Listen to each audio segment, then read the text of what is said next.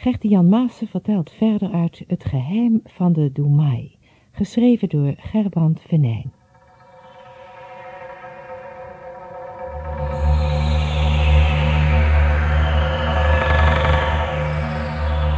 Na een vreselijke oorlog heeft een kleine overgebleven groep mensen een maatschappij gesticht. Hun leider, de Doemai, is de enige die weet dat er een boek bestaat dat geschreven is door de schepper. Niemand mag iets over dat boek te weten komen. John heeft besloten het te vinden.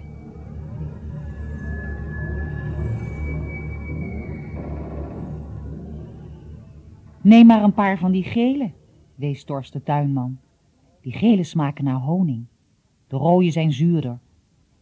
Jong zocht een tweetal kolossale vruchten uit en ging naast de oude tuinman zitten, die het zich gemakkelijk gemaakt had in het malse gras. Ik eet er voor de gezelligheid eentje mee, merkte Tors op, terwijl hij in zijn luie houding een vrucht plukte die vlak boven zijn hoofd groeide. Jom smulde van de honingappels. Ze waren verrukkelijk. Hij kon zich niet herinneren ooit zulke lekkere vruchten geproefd te hebben. Wel, hoe smaken ze jong? vroeg de oude man toen hij zijn eigen appel op had. Jong verslikte zich haast. Hoe wist die man zijn naam? Hij was er toch zeker van dat hij zijn naam niet genoemd had. Verwonderd, niet waar? zei Tors grinnikend. Ja, jongen, ik weet zelfs nog veel meer van je.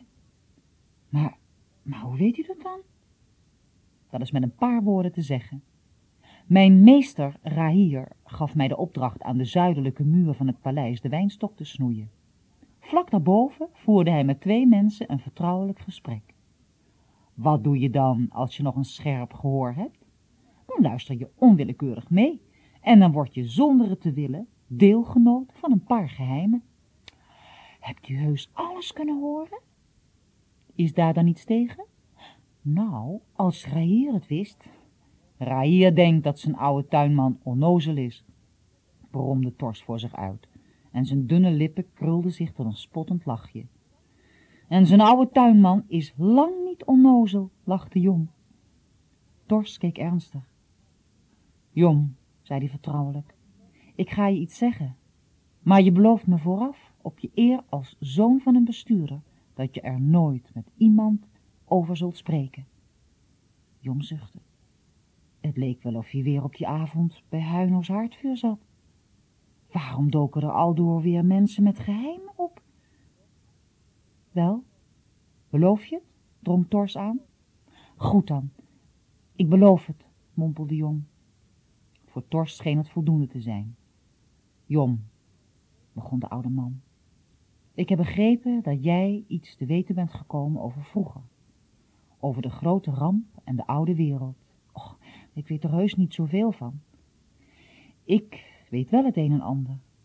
Maar de bijzonderheden over die gebeurtenissen en over de kennis van onze voorvaderen interesseren me niet zo verschrikkelijk. Alleen, alleen het heilige boek. Dat boek houdt mij al bezig vanaf mijn kinderjaren. Vanaf de avond dat mijn vader mij opbiechte dat hij aan het zoeken was naar het geheim van het heilige boek. Twee dagen later werd hij door soldaten van huis gehaald. Voordat ze meenamen, gaven ze met bevel alle fragmenten van het boek die hij verzameld had af te staan. Maar dat deed hij niet. Ik zat in mijn kamer en hoorde alles. Ik merkte dat ze het huis doorzochten en woedend werden omdat ze niets vonden. Later hoorde ik dat ze vader van alles beschuldigde. De laatste woorden die ik mijn vader hoorde zeggen waren, ik wil de schepper meer gehoorzamen dan een mens. Ik zal mijn vader nooit vergeten. Gelukkig had ik ooit de geheime plaats gezien waar hij de papieren bewaarde. Dus, u hebt gedeelte van het boek? vroeg Jong ademloos.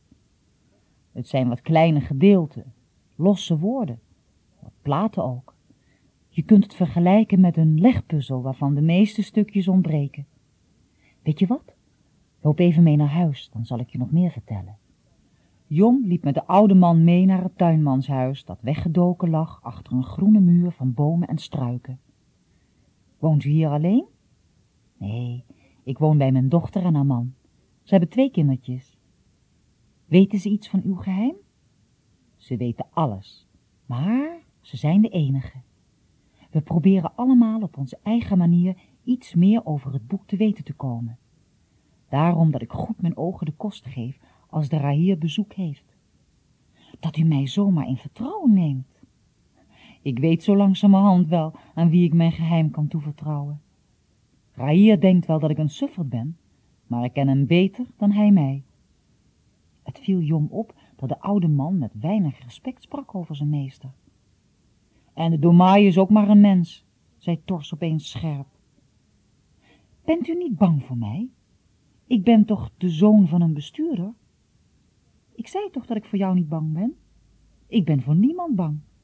Misschien ben ik wel eens voorzichtig, maar dat is dan alleen om meer te weten te komen over het boek. Ik weet dat de schepper die alles heeft gemaakt, de vlinders, de bomen, de vruchten, eenmaal tot de mensen gesproken heeft. Die woorden moeten ergens bestaan. Ik geloof niet dat die vernietigd zijn. En jongen, nu ga je met mij mee naar huis. Jom trof het dat het hele gezin thuis was. De kinderen, Jiba en Weli, de moeder Ignilde en de vader, die ze de grote Jiba noemde. Jom voelde zich meteen thuis. Het leek wel of hij deze mens al een hele tijd kende. Toen ze een tijdje vrolijk hadden gepraat, zei Tors, toen ik Jom meenam naar huis, had ik daar een bedoeling mee. Jom weet ons geheim. Ik heb hem alles verteld. Er viel een stilte in de kamer. En Jom wil jullie ook wat vertellen. Kom Jom, vertel maar wat je van Huino hebt gehoord. Jom vertelde van zijn belevenissen op Schildpad-eiland. De hele familie luisterde gespannen. Tors gaf grote Jiba een wenk. Die stond op en opende een wandkastje, haalde daaruit een kistje en zette dat op tafel.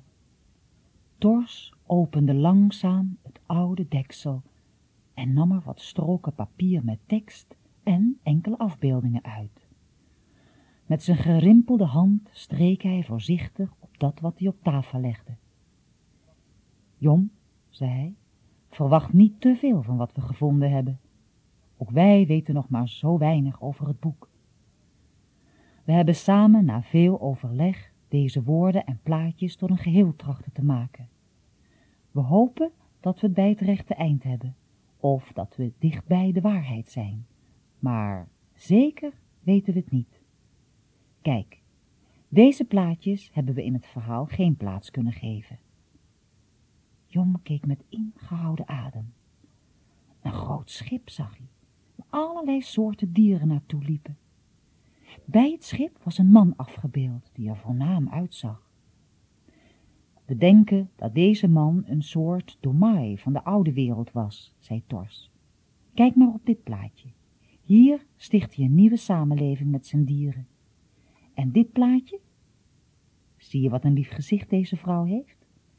We denken dat zij en het kindje dat ze vasthoudt erg belangrijk zijn in het boek. Want er gaan ook woorden over een kindje. Er staat dat er een kindje geboren zou worden in een stal en dat het een voerbak als wiegje kreeg. Maar verder weten we er niets van. Ik zei je al, Jom, het is net als met een legpuzzel waarvan je maar een paar stukjes hebt. Hoe weet u nu dat deze stukjes papier uit het boek komen? vroeg Jom. Het heilige boek werd in de oude wereld op speciaal heel dun papier gedrukt. Langs de kantlijnen stonden kleine cijfertjes en langs de bladranden zat soms goud. Jom had vol aandacht geluisterd. Maar toch vond hij dat de verzameling van Tors tegenviel. Eigenlijk wist hij nu nog niets van wat de schepper had gezegd. Tors merkte dat Jom teleurgesteld was. Je ziet wel dat we eigenlijk nog maar aan het begin van ons zoeken zijn, zei de oude man, terwijl hij de stukjes papier weer zorgvuldig in het kistje wegborg. De eigenlijke woorden van de schepper hebben we nog niet gevonden. We weten zelfs niet of de schepper veel of weinig gezegd heeft. Het kunnen even goed twintig woorden zijn als 2000. We weten niets. Maar verwacht u ze wel te kunnen vinden? vroeg Jon. Rahier heeft mij gezegd dat er niets meer van het heilige boek te vinden is. Niets? vroeg Ignilde. Dit is in elk geval iets. En ze wees op het kistje. Ja, peinsde Jom voor zich uit. Maar waar kan nog meer te vinden zijn? Natuurlijk, riep hij uit en hij sloeg zich op de knie. Dat zou ik bijna vergeten. In enkele woorden vertelde hij over de tegel in Huino's vroegere huis. Tors en zijn huisgenoten luisterden ademloos toe. Zodra Jom uitgesproken was, sprong grote Jiba op en riep, Wie weet wat Huino voor belangrijks verzameld had. We moeten die papieren hebben en zo spoedig mogelijk. Sst, niet zo luid, fluisterde Ignilde verschrikt. Die man heeft gelijk, mompelde Tors nog onder de indruk van Joms verhaal. Ignilde, wat grote Jiba zegt is waar. Die papieren moeten we zo vlug mogelijk in handen zien te krijgen. Dat zal niet zo verschrikkelijk gemakkelijk gaan, zei Jom bedenkelijk. Er woont nu een groot gezin in dat huis. Hoe moeten we die mensen uit de omgeving van dat huis weglokken? Hoe kunnen we ongemerkt de tegel oplichten? Het was een moeilijke kwestie. Eindelijk kwam grote Jiba met een voorstel dat een kans van slagen had. Hij zou van een goede kennis die aan het meer woonde een bootje lenen om daar samen met kleine Jiba op een dag mee over te steken. Wellicht zou het hem dan lukken om met of zonder list de papieren te bemachtigen. Jom en Wan kende men veel te goed op het eiland. Zij konden zich maar beter afzijdig houden. Bovendien waakte Joms vader erover dat hij geen bezoeken meer aan het schildpad-eiland bracht. vader! Eensklaps dacht Jom aan vader. Had hij eigenlijk niet een beetje de tijd vergeten? Haastig stond hij op en nam afscheid van Tors en diens familie. Hij beloofde zo vlug mogelijk weer eens langs te komen. Toen holde hij zo snel zijn benen hem dragen konden naar het paleis van Raïr.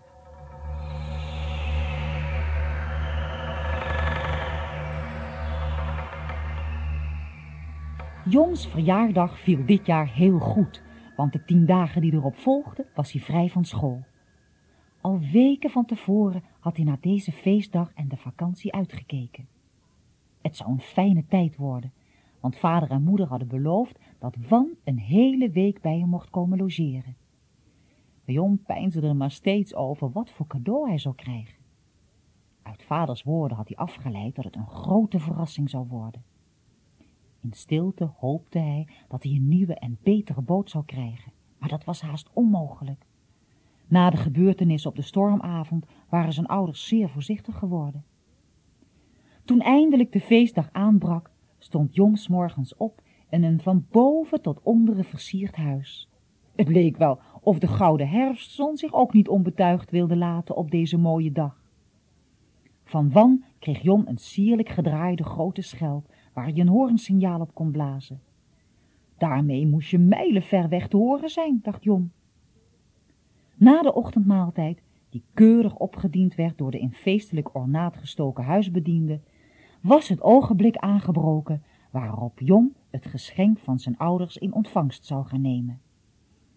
Wan was haast even nieuwsgierig als zijn vriend toen vader hun de tuin in wenkte. Ze liepen langs de laatbloeiende struiken naar het einde van de tuin. Toen ze de weg bereikt hadden, moest Jom zichzelf in de arm knijpen.